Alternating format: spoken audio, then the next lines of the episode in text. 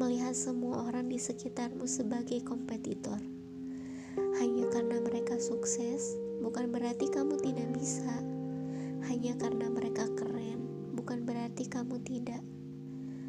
Hanya karena mereka memiliki apa yang kamu inginkan, bukan berarti kamu tidak bisa memilikinya. Ajarkan dirimu bagaimana menggunakan itu sebagai motivasi dan inspirasi, bukan alasan untuk membasmi dirimu sendiri.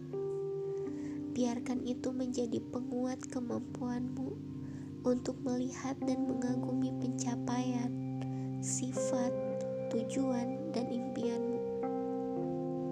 Butuh waktu yang lama untuk benar-benar merangkul gagasan bahwa cukup banyak kesuksesan untuk kita semua.